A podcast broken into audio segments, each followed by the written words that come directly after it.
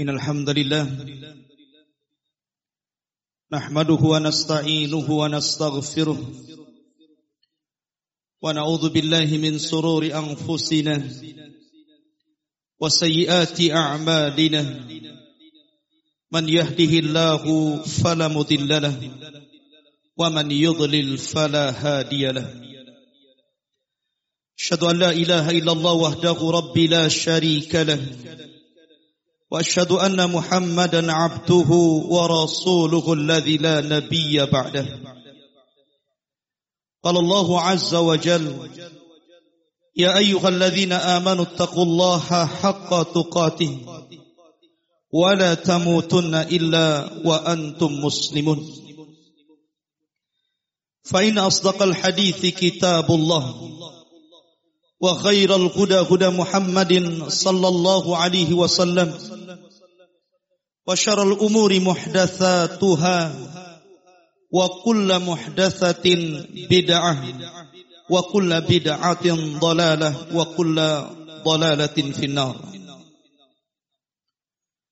معاشر المسلمين jamaah Jumat yang dimuliakan Allah Subhanahu wa taala. Dimuliakan bukan karena kekayaannya. Dimuliakan bukan karena pangkat, jabatan ataupun kedudukannya. Tapi dimuliakan karena akhlak iman dan takwanya pada Allah Subhanahu wa taala. Salawat teriring salam tak lupa saya haturkan kepada junjungan alam seorang yang telah membawa hidayah kepada dada-dada kita. Rasulullah Muhammad sallallahu alaihi wasallam. Allahumma salli ala Muhammad wa ala alihi wa sahbihi wa man sar ala nahjihi ila muslimin, jamaah Jumat yang dimuliakan Allah Subhanahu wa taala. Di dalam Al-Qur'anul Karim Allah mengingatkan kepada kita agar setiap kita berusaha untuk menjaga diri dan keluarga kita. Allah berfirman, "Ku anfusakum wa ahlikum nara." Jagalah diri kalian dan juga keluarga kalian dari kobaran api neraka. Dari sinilah kemudian Allah mengajarkan sebuah doa untuk kebaikan keluarga kita. Hablana min azwajina wa dzurriyyatina qurrata a'yun waj'alna lil muttaqina imama. Wahai Rabb kami, anugerahkan kepada kami pasangan-pasangan kami dan anak keturunan kami agar mereka menjadi orang-orang yang bisa menyejukkan mata dunia dan akhirat. Dan jadikan kami menjadi hamba-hamba yang bertakwa. Ma'asyiral muslimin yang dimuliakan Allah Azza wa Jalla. Pada khutbah kali ini kita akan membahas tentang sebuah kisah keluarga yang dilaknat Allah Subhanahu wa taala Bahkan keluarga ini dicantumkan dalam surat secara penuh.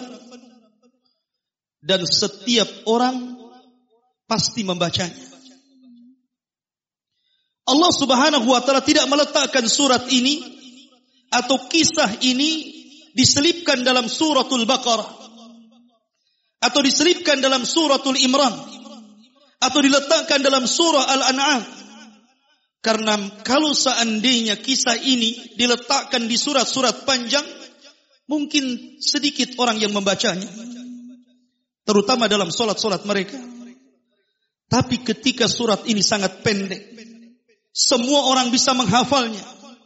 Maka semua orang membaca surat ini sampai hari ini bahkan sampai kiamat dibangkitkan sebelum Al-Quran diangkat ke langit. Masyurul muslimin yang dimuliakan Allah Azza wa Jal. Keluarga ini disebut dalam Al-Quran sebagai keluarga Abi Lahab. Abu Lahab dan juga istrinya dan juga putranya Utaibah bin Abi Lahab adalah tiga manusia yang sangat memusuhi Nabi Shallallahu Alaihi Wasallam, sehingga Allah laknat keluarganya sampai hari kiamat. Kita lihat Abu Lahab, kebencian Abu Lahab kepada Nabi Shallallahu Alaihi Wasallam. Sampai-sampai Abu Lahab meletakkan kehormatannya sebagai bangsawan di tengah-tengah orang Arab. Suatu ketika dia membawa kotoran manusia. Kemudian kotoran ini hampir setiap hari diletakkan fi atabati babi Rasul. Di depan pintu Nabi sallallahu alaihi wasallam, di depan pintu rumah Nabi sallallahu alaihi wasallam. Sehingga Nabi sallallahu alaihi wasallam apabila hendak masuk ataupun keluar tersakiti dengan kotoran itu. Sampai akhirnya Nabi sallallahu alaihi wasallam bersabda kepada Bani Abdul Muttalib dan mengatakan ayu jiwarin hadha ahakada yukrimul jirah Apakah begini orang menghormati tetangga? Wahai Bani Abdul Muttalib. Apakah begini orang yang menghormati tetangga? Wahai Bani Abdul Muttalib. Sementara tradisi jahiliyah ma'ruf dan terkenal mereka orang yang menghormati tetangga. Bahkan adat yang baik ini pun ditetapkan dalam Islam sehingga Nabi Shallallahu Alaihi Wasallam bersabda, "Man yu'minu billahi wal yaumil akhir, falyukrim jarahu." Barang siapa yang beriman kepada Allah dan hari akhir, hormati tetangganya. Ketika mendengar Nabi Shallallahu Alaihi Wasallam menghabarkan perbuatan Abi Lahab, maka salah satu paman Nabi Shallallahu Alaihi Wasallam Hamzah bin Abdul Muttalib yang ketika itu masih seagama dengan Abu Lahab, penyembah Lata, Uzza, Manat, Khubal dan patung-patung yang lainnya marah, merasa terlecehkan kabilahnya. Akhirnya dia datang ke rumah Rasul. Diambilnya kotoran itu. Kemudian dicarinya Abu Lahab setelah ketemu Abu Lahab diletakkan di kepalanya. Al jaza min jinsil amal. Setiap balasan disesuaikan dengan perbuatannya. Cukup sampai di sini? Tidak. Suatu ketika Nabi Shallallahu Alaihi Wasallam sedang berdakwah di pasar-pasar ukat, di pasar-pasar menyerukan manusia ke dalam tauhid, ayyuhan nas qulu la ilaha illallah tuflihun. Wahai manusia katakan ucapan la ilaha illallah kalian akan selamat. Dalam riwayat tamliku bainal arabi wal a'jam pasti kalian akan menguasai bangsa Arab dan bangsa non Arab tiba-tiba Abu Lahab datang dari belakang Rasul Kemudian melempari Nabi Shallallahu Alaihi Wasallam dengan kerikil-kerikil kecil. Seraya mengatakan la tusaddiquhu fa innahu kadzib. Jangan kalian benarkan. Orang ini penyebar dusta. Kalau pamannya yang senasab dengan Nabi Shallallahu Alaihi Wasallam mendustakan dakwah Rasul, tentu orang-orang akan memandang apakah apa, apalagi kita yang bukan kerabatnya. Dan ini tantangan dakwah Rasul. Cukup sampai di sini? Tidak. Ketika Nabi Shallallahu Alaihi Wasallam diangkat menjadi Nabi dan Rasul, kedua putra Abi Lahab, Utaibah dan juga Utbah menikah dengan dua putri Nabi Shallallahu Alaihi Wasallam. Utaibah menikah dengan Ummu Kulthum dan Utbah menikah dengan Ruqayyah. Abu Lahab karena bencinya kepada Nabi Shallallahu Alaihi Wasallam, kemudian mengumpulkan dua putranya dan mengatakan raksi wa ra'sukuma. Sesungguhnya kepalaku dan kepala kalian berdua tidak mungkin diletakkan satu atap Sementara kedua putri si Muhammad berada di rumah ini. Ceraikan keduanya. Ketika itu Utbah tidak tinggal diam. Ketika ayahnya menyuruh untuk menceraikan istrinya, bangkit. Kemudian dia datang kepada istrinya dan mengatakan, aku ceraikan kamu. Pulanglah kau ke rumah. Sementara Utaibah, sementara Utaibah, dia tidak langsung menceraikan istrinya. Dia ingin membuat perhitungan dengan Nabi Shallallahu Alaihi Wasallam.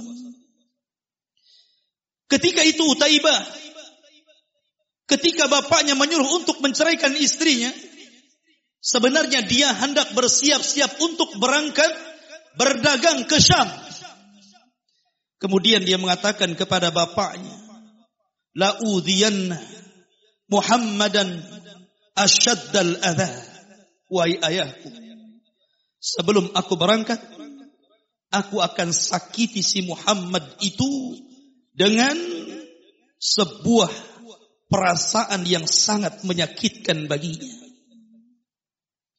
Berangkatlah Utaibah menemui Nabi sallallahu alaihi wasallam. Kemudian setelah berjumpa dengan Nabi sallallahu alaihi wasallam dia mengatakan, "Ya Muhammad, kafartu bidinik wa kafartu bin najmi idha hawa wa kafartu billadhi dhanna fatadal wa faraktu ibnataka ya Muhammad kata Utaibah wahai Muhammad aku telah ingkari agama. Aku ingkari juga an-najmi idha hawa. Dan Jibril yang mendekat membawa wahyu kepadamu. Dan aku juga ceraikan putrimu ambil putrimu wahai Muhammad. Setelah itu kemudian dia meludah ke wajah Nabi sallallahu alaihi wasallam. Kemudian pergi.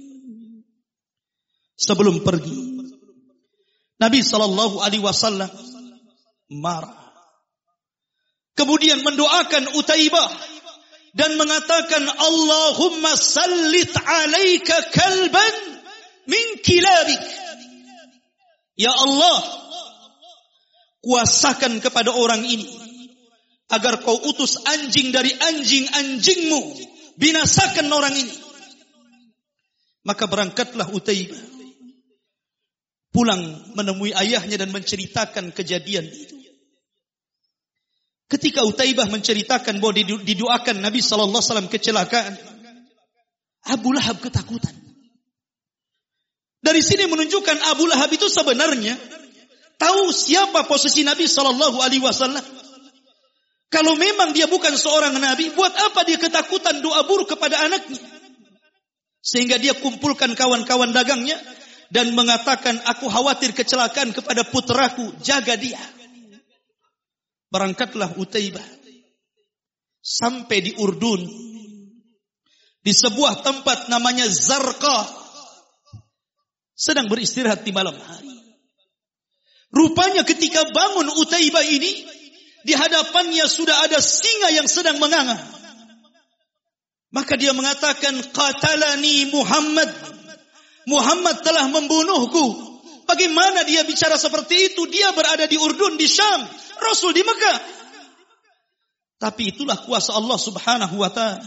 Singa itu langsung kemudian menerkam kepalanya mencabik-cabik kepalanya sehingga terlepas kepala dari badannya. Itu hukuman orang yang kurang ngajar kepada Nabi Sallallahu Alaihi Wasallam. Masyarakat muslimin yang dimuliakan, cukupkah Abu Lahab sampai di sini? Tidak. Dalam perang Badar, Abu Lahab pengecut. Dia tidak ikut dalam perang itu. Tapi dia sewa penjahat-penjahat bayaran agar terlibat dalam memusuhi Rasul di Badar. Walaupun di Badar berakhir dengan kekalahan orang-orang musyrik dan dimenangkan kaum muslimin dan itu awal kemenangan bagi kaum muslimin. Apakah cukup permusuhan Abu Lahab? Tidak.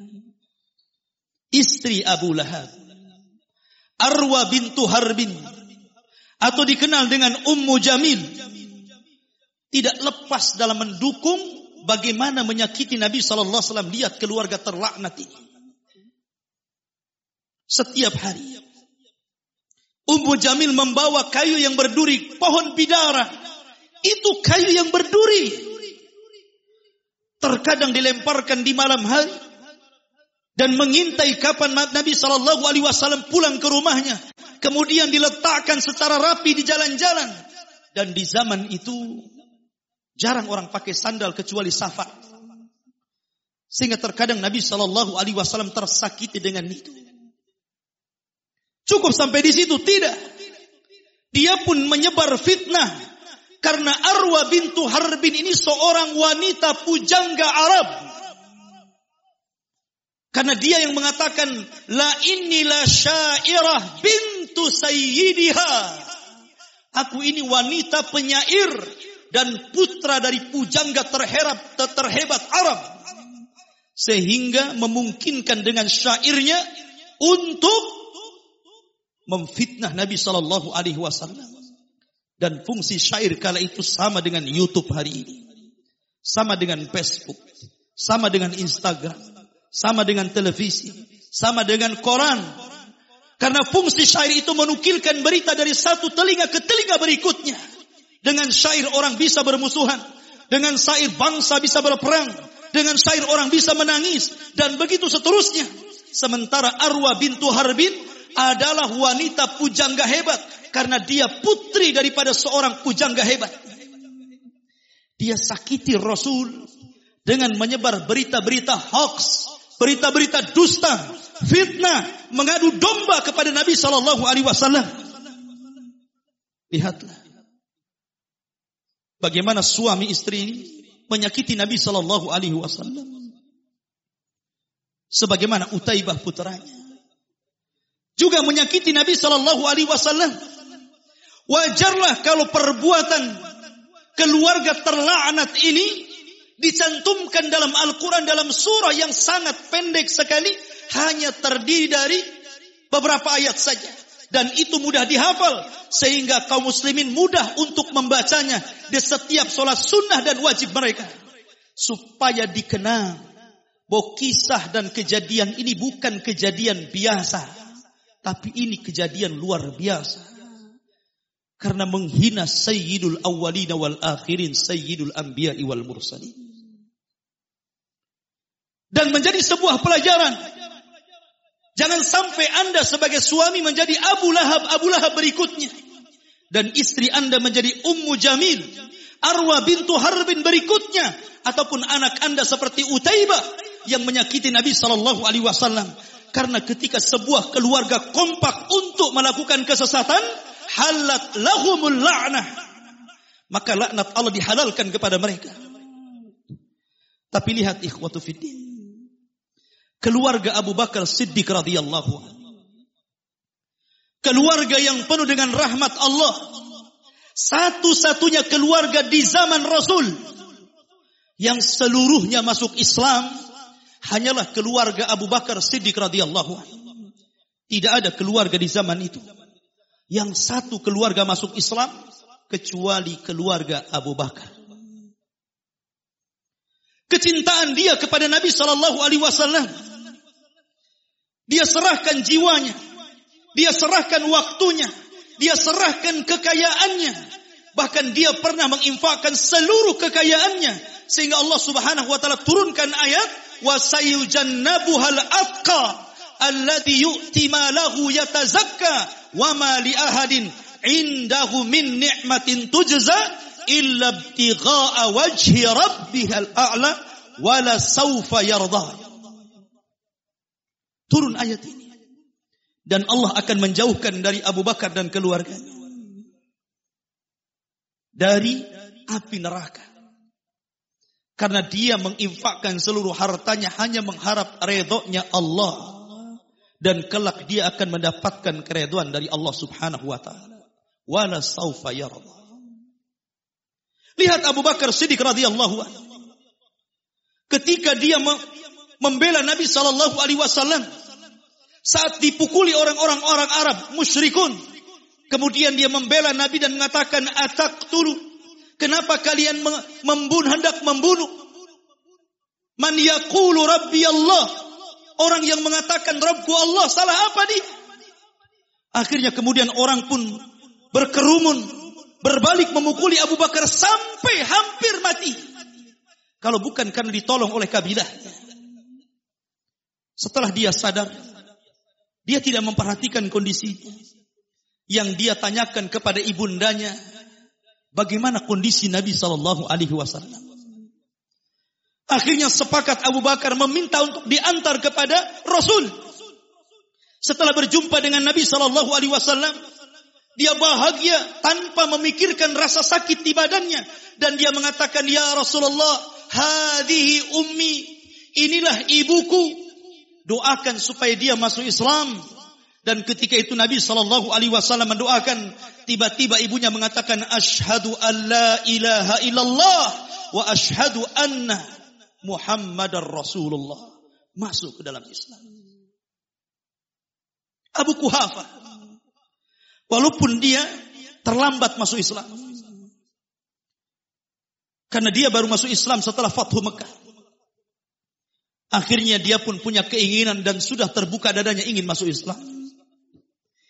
Dia meminta kepada anaknya untuk diantar ke hadapan Nabi Shallallahu Alaihi Wasallam.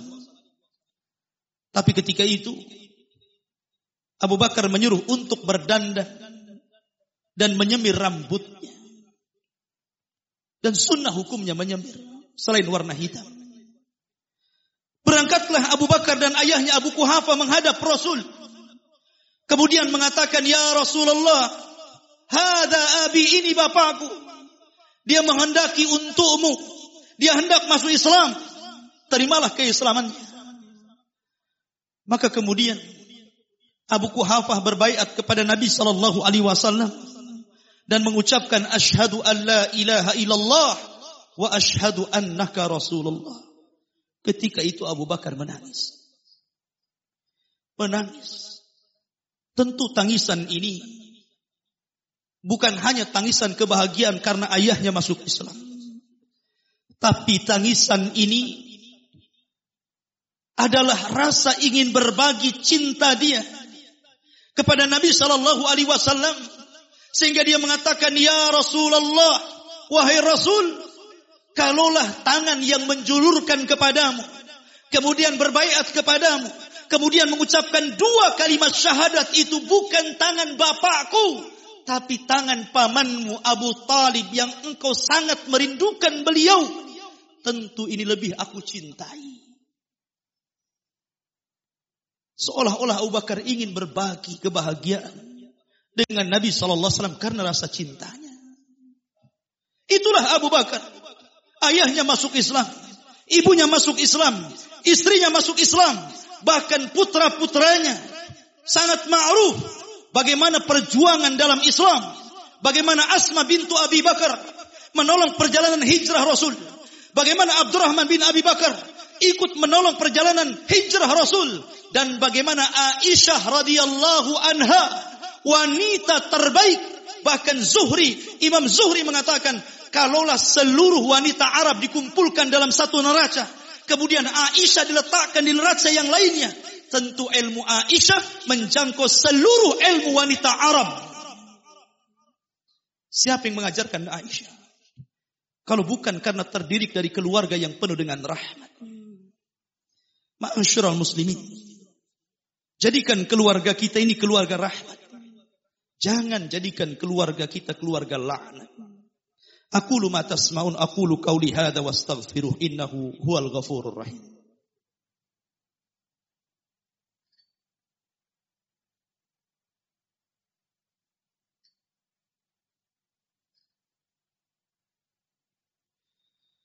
Bihamdillahi wassalatu wassalamu ala rasulillah. Wa ala alihi wa sahbihi wa mawala. Wala hawla wala quwata illa billahi wa ba'du. Al-Quran sudah banyak mencontohkan bagaimana pasangan-pasangan hidup yang berbeda dengan pasangan Fir'aun adalah laknatullah Manusia yang paling keji yang pernah hidup di permukaan bumi. Karena dia mengatakan, Ana Rabbukumul A'la. Mengaku Tuhan. Menjadikan syirikat dengan Allah subhanahu wa ta'ala. Tetapi Allah takdirkan. Dia memiliki istri. satu di antara empat wanita terbaik dunia sepanjang zaman sampai kiamat dibangkitkan. Asia bintu Muzahim. Kata Rasul, laki-laki terbaik banyak di dunia. Tapi wanita terbaik hanya empat wanita saja. Asia bintu Muzahim. Maryam bintu Imran. Khadijah bintu Khuwailid. Fatimah bintu Rasulullah sallallahu alaihi wasallam. Nuh adalah awalur rusul. Rasul yang pertama yang diutus Allah Azza wa Jalla. Termasuk Abul Bashari Thani, bapak manusia kedua. Allah takdirkan. Tidak memiliki pasangan yang baik. Karena istrinya kufur kepada syariatnya. Sehingga istrinya ditelan ombak bersama satu putranya Kan'an. Karena tidak menjadi istri yang baik. Lut adalah keponakan Ibrahim alaihi salatu wasalam Khalilur Rahman. Abul Anbiya wal Mursalin. Lut juga sama. Diuji oleh Allah subhanahu wa ta'ala. Mendapatkan pasangan yang kurang baik. Kufur kepada Lut. Sehingga Allah subhanahu wa ta'ala permisalkan kepada orang-orang kafir dua wanita kufur dalam Al-Quran. Imra'atunu wa imra'atu Padahal keduanya tahta abdaini min ibadina salih. Keduanya di bawah naungan hamba-hamba Allah yang saleh. Tapi lihat Rasul kita yang mulia alaihi salatu wassalam. Allah berikan pasangan-pasangan terbaik. Di mana seluruh istri-istrinya dijamin masuk surga. Mereka adalah ummul mukminin dan Rasul sallallahu alaihi wasallam abul mukminin. Dan mereka adalah percontohan keluarga terhebat sepanjang zaman. Makanya Rasul mengatakan, khairukum khairukum li ahli wa ana khairun li ahli. Sebaik-baik kalian adalah orang yang baik kepada keluarganya, membina keluarganya, mendidik keluarganya, mengarahkan keluarganya ke surga. Dan saya orang yang terbaik dalam membina keluarga saya. Maka Allah sudah mengisyaratkan dalam Al-Quran. Laqad kana lakum fi rasulillahi uswatun hasanah. Sungguh sudah ada pada jati diri Rasul suri toladan yang indah. Kata Ibnu Katsir, ayat ini menjadi asas, menjadi pondasi bagi kita kaum muslimin untuk mencontoh Rasul sampai pun pada bagaimana mengurus keluarga keluarga sakinah, mawaddah dan rahmah. Jadikan keluarga kita seperti keluarga Rasul. Jangan Anda jadikan keluarga Anda seperti keluarga Abi Lahab. Walaupun Allah takdirkan dua anaknya masuk ke dalam Islam. Tetapi secara umum Abu Lahab, istrinya dan satu anaknya adalah manusia-manusia terjahat yang pernah ada di permukaan bumi sehingga kisahnya diabadikan dan akan dibaca sampai kiamat dibangkitkan. Mudah-mudahan khutbah yang sangat singkat ini bermanfaat. Dan kita berdoa kepada Allah Subhanahu wa taala. Semoga Allah Subhanahu wa taala memberikan kebaikan kepada bangsa kita. Memberikan kebaikan kepada para pemimpin kita. Memberikan keamanan kepada negeri kita. Semoga Allah Subhanahu wa taala melahirkan manusia-manusia yang bertakwa sehingga mampu memperbaiki negeri kita walau anna ahlal qura amanu wattaqau lafatahna alaihim barakatim minas sama'i wal ard kalaulah penduduk negeri beriman dan bertakwa tentu berkah akan disebar dari langit dan dari bumi dan itu dimulai dari keluarga kita masing-masing innallaha wa malaikatahu yusalluna 'alan nabi Ya ayyuhalladzina amanu sallu alaihi wa sallimu taslima. Allahumma ighfir lil muslimina wal muslimat wal mu'minina wal mu'minat al ahya'i minhum wal amwat innahu qaribun mujibu da'wah ya qadiyal hajah. Allahumma aslih wulata umuril muslimin. Allahumma aslih wulata umuril muslimin. Allahumma aslih wulata umuril muslimin. Allahumma ansur li ikhwanina alladhina fi Palestina لإخواننا الذين في الصين لإخواننا الذين في سوريا wa li ikhwanina alladhina fi kulli makan. Allahumma nas'aluka al-jannah wa ma qarraba ilayha min qawli wa amal wa na'udzubika min sakhatika wan nar. ربنا آتنا في الدنيا حسنة وفي الآخرة حسنة وقنا عذاب النار. وصلى الله على نبينا محمد. والحمد لله رب العالمين. قوموا للصلاة الجمعة. رحمكم الله.